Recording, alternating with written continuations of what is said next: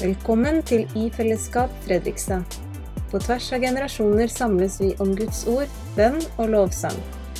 Du kan følge oss på sosiale medier eller nettsiden ifellesskap.no. I denne podkasten kan du lytte til andakter, samtaler og bibelundervisning fra vår menighet. Jo, takk for det.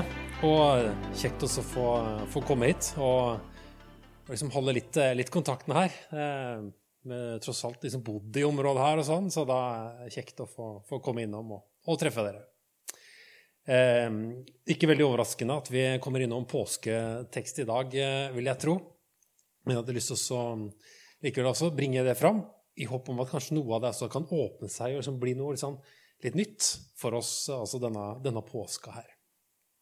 Jeg husker jeg var eh, på en eh, sånn konferanse i, eh, i, London, i den menigheten som etablerte Alfa.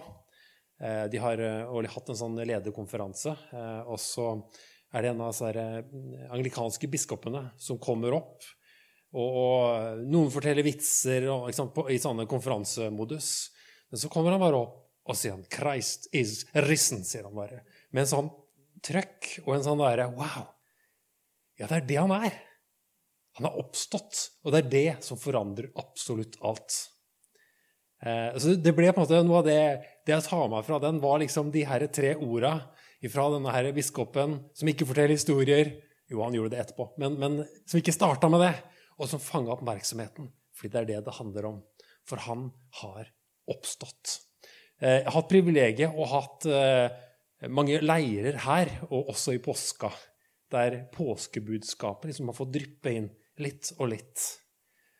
Og så får det åpne seg innimellom, som noen ganger som en sånn nistepakke som liksom ah, Wow, dette trengte jeg nå.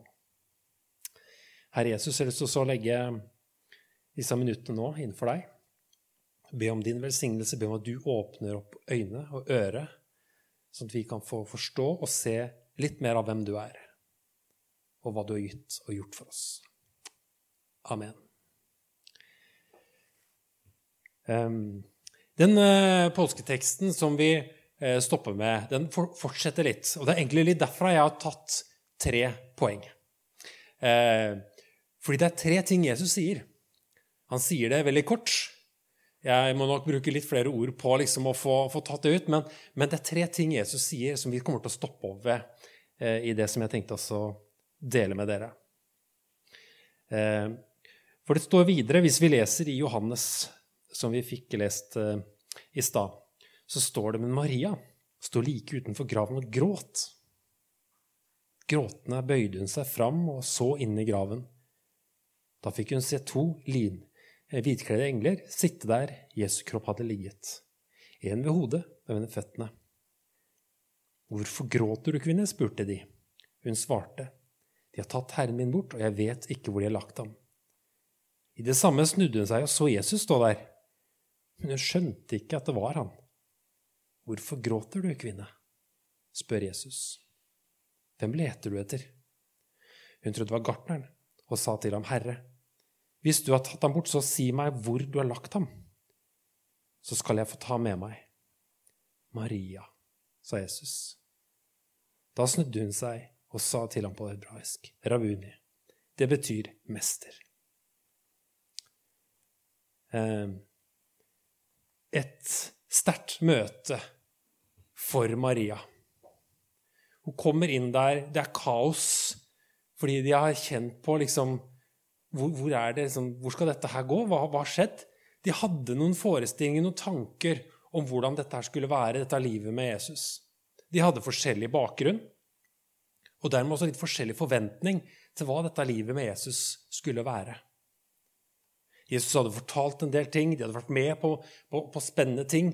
Både disse tolv disiplene, men også denne gjengen av flere disipler som Maria fikk være en del av. Alle disse hadde fulgt med Jesus og opplevd sikkert ikke alt sammen, det som alle hadde fått vært med på, men, men alle sammen hadde fått være med Jesus på forskjellige måter, forskjellige turer, forskjellige reiser. Og så hadde de noen tanker om hvordan han skulle være. Og så plutselig så hadde liksom I løpet av noen dager nå så hadde liksom alt stoppa opp. Det passa ikke inn i det bildet som de hadde, de tankene som de hadde. Og de mista håpet. Og så forteller historien at både englene og Jesus sier, 'Hvorfor, hvorfor gråter du?' Sånn kommer Jesus oss i møte. I vår forvirring så sier han, 'Hvorfor gråter du?' Og Noen ganger kan det være ting som vi, ting vi har opplevd, ting mennesker har gjort mot oss, som har gjort at vi kjenner at Hvorfor er det sånn? At vi kan kjenne på gråten, kjenne på smerten, kjenne på savn. Andre ganger kan det kanskje være noe sjøl vi har gjort, som vi kjenner på, angrer på og lurer på. Hvorfor i all verden? Kanskje det handler om drømmer vi hadde om hvordan ting skulle være, som ikke ble sann. Hvorfor gråter du? sier Jesus. Fordi det føltes som at håpet var borte. Så har vi vært gjennom en periode her med det navnet som vi ikke nevner lenger. Eh, og liksom kjent på liksom, åh, det skal bli godt å bli ferdig med dette. Og så kom krigen i Ukraina. Altså, så liksom kjenner liksom Skal det aldri ta slutt? Og så kunne vi kjenne på en sånn der motløshet og, og sånn derre som Hva i all verden? Eh, I eh, 'Ringenes herre' Eh, så er det en historie for dere som da ikke har den samme eh, ja, fått med dere historien. da. På samme måte skal jeg gi lite krasjkurs her nå. Men, men 'Ringenes herre' handler jo om at det er en ring som har en makt og, og kontrollerer og, og, tar kontroll over mennesker. Og denne ringen denne må ødelegges. Og den er det Frodo, som dere ser her med krøller, eh, som, eh, som, har fått i oppdrag eh, av å bringe tilbake dit den ble lagd for der, bare der kan den ødelegges. Og Han er ikke spesielt begeistra for dette oppdraget. Men så dukker Gandalf opp, som er denne her, eh, veilederen og rådgiveren og den som hjelper til når ting liksom rakner for Frodo, som, som må liksom gjøre dette her oppdraget alene. Eller mer eller mindre alene. Og så, I en sånn eh, vanskelig stund så sier, eh, sier Frodo at 'jeg skulle ønske at det ikke hadde skjedd i min tid. Jeg også, sa Gandalf. Og det ønsker alle de som ønsker de som opplever slike tider. Men det er ikke opp til dem å bestemme det.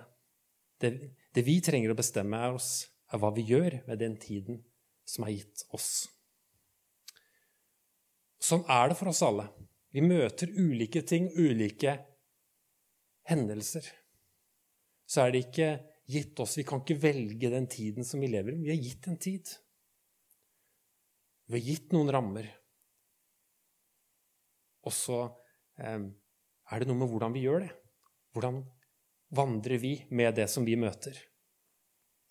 Hvorfor gråter du? Jeg tror at det altså hjelper oss å sette ord på ting. Å være ærlig. Og Det er kanskje noe av den reisen som jeg sjøl har måttet ta, og det å være ærlig måte med der, de egne tinga. fordi at jeg skal liksom takle ting, jeg skal bære ting, jeg skal klare ting.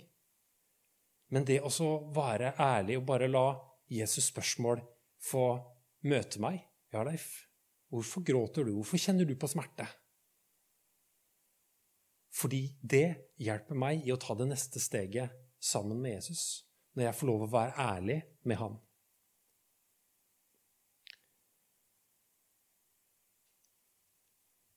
Og så forteller også denne historien oss noen andre ting som du var inne på, Reidun, med, med Josef fra Arimathea. Og Det er utrolig fascinerende. Han, han og, og sånn sett også Nikodemus, begge disse rådsherrene, som egentlig liksom var på laget med liksom, de som fikk Jesus henretta, men som likevel hadde vært litt sånn nølende etterfølgere av Jesus. Og så velger Josef å, å bruke sin posisjon til å få gravlagt Jesus. Kanskje som en slags bekjennelseshandling på at jeg er ikke helt med på dette som dere driver med her. Jeg vil Jesus en verdig grav. Og så får de gravlagt Jesus. Men så skjer ikke dette fordi at Josef egentlig skulle gjøre det, eller hadde lyst til det, men det skjedde fordi at Skriftene skulle oppfylles. Og Det er noe av det som jeg synes er litt sånn fascinerende med påskehistorien, at vi finner flere sånne eksempler på ting som blir oppfylt. Og, og de som er med og gjør det, de var ikke klar over at det de gjorde, var oppfyllelse av Skriftene. Og da, På den andre siden så hadde du disiplene som var forberedt på Hvis jeg leser Markus 8, for eksempel, så står det om at Jesus noen dager før forteller at jeg skal dø, og så skal jeg stå opp igjen den tredje dagen. Så han forberedte sine nærmeste, og de catcha ikke hva som var i ferd med å skje. Men likevel så skjer ting etter Guds plan. Fordi Gud har kontroll. Og det tenker jeg er en trøst for oss i møte med det som vi kan kjenne på, og som vi kan gråte over. Og de smertene som vi må gå igjennom. Gud har kontroll. Så selv om det ser vanskelig ut her og nå, så har han kontroll. Og han har en plan. Så stiller Jesus det andre spørsmålet hva leter du etter? Hva er det du leter etter? Saken var jo at de hadde, de hadde en del tanker om hvordan dette skulle være.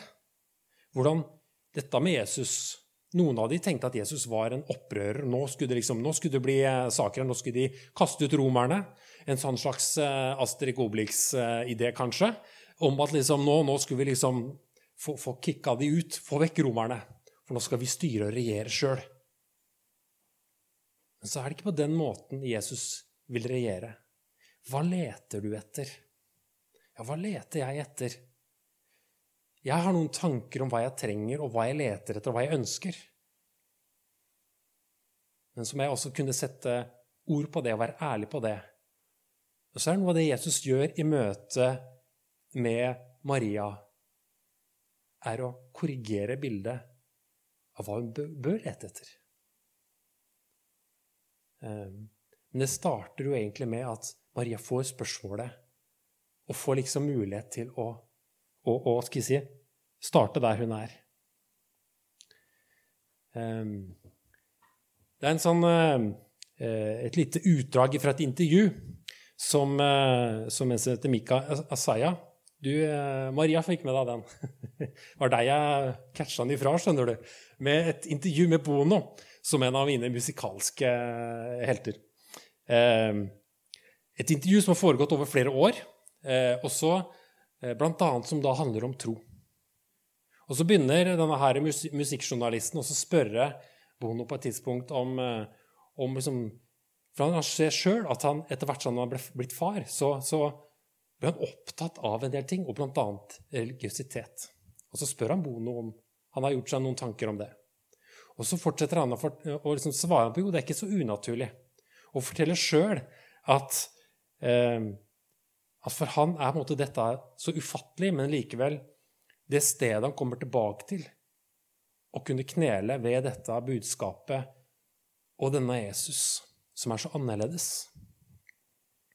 For han sier at religioner handler på en måte om å, å oppnå karma.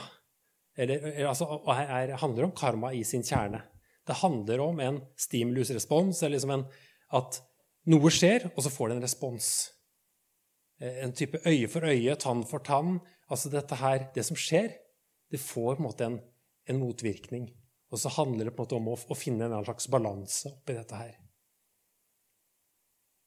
Mens, eh, også i, i, i fysikken så skjer, skjer, det samme. Men Jesus er annerledes. Fordi Jesus møter ikke med karmariket, men med nåderiket.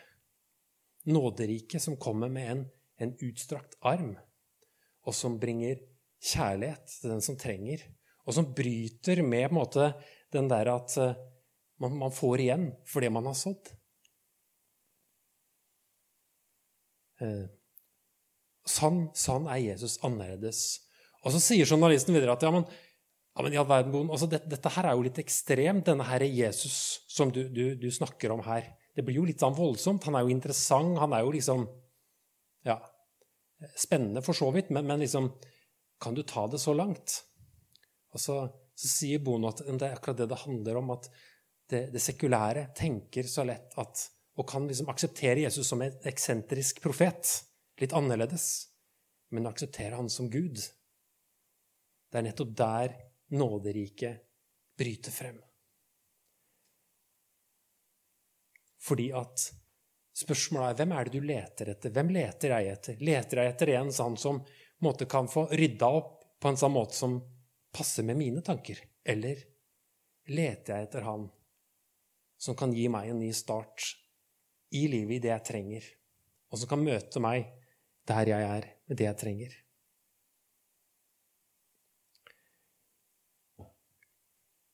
Så kommer eh, det siste som Jesus sier. Fordi Maria står der med øynene fulle av tårer og klarer ikke å se at det er Jesus. Det er bare, altså vi, når, vi, når vi gråter, så vet vi at det er så vanskelig å se klart. Og høre på en måte bare merke bare at det er noen skikkelser rundt henne der. Og hele tanken og forståelsen av hva som har skjedd, gjør at det er ikke mulig å forstå at dette er Jesus. Men så sier Jesus et enkelt ord. Maria. Han sier navnet hennes. På samme måten sier han navnet ditt. Og Maria skjønner at det er han. Det er Jesus. Det er Jesus. Ja, men det skulle jo ikke være mulig. Ikke sant? Selv om Jesus hadde sagt dette på forhånd, så var det så vanskelig å forstå. Men plutselig står han der med en utstrakt arm, og så sier han Maria.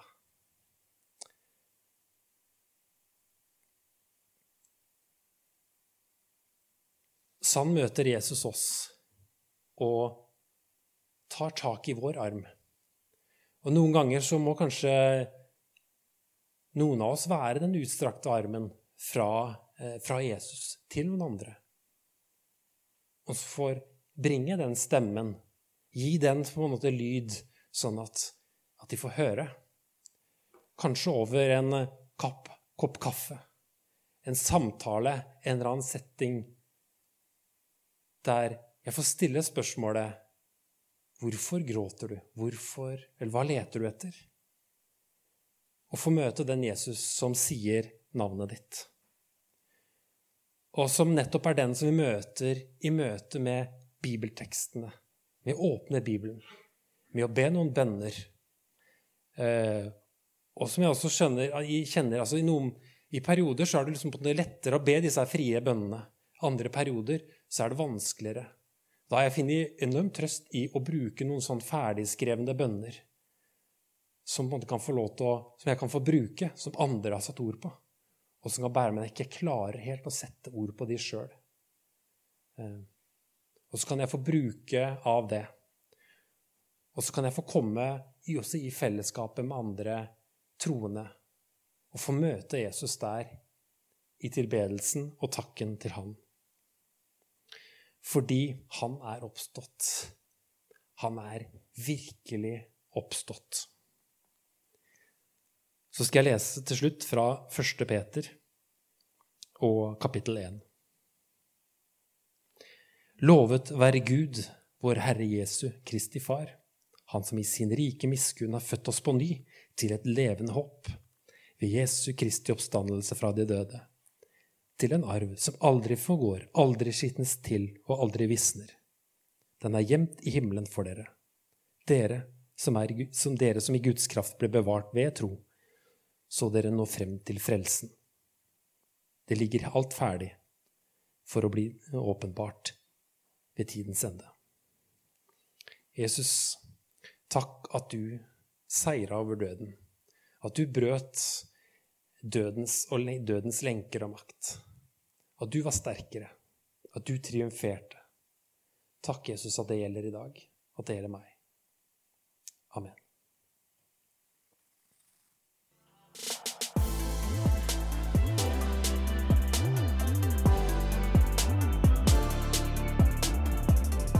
Takk for at du har hørt på podkast fra I Fellesskap Fredrikstad. Vi håper det blir til velsignelse for deg. Vårt mål er å finne de som søker, og bevare de som tror. Sammen vil vi dele livet, tjene hverandre og vokse som Jesu etterfølgere, medvandrere og fellesskap. Velkommen tilbake.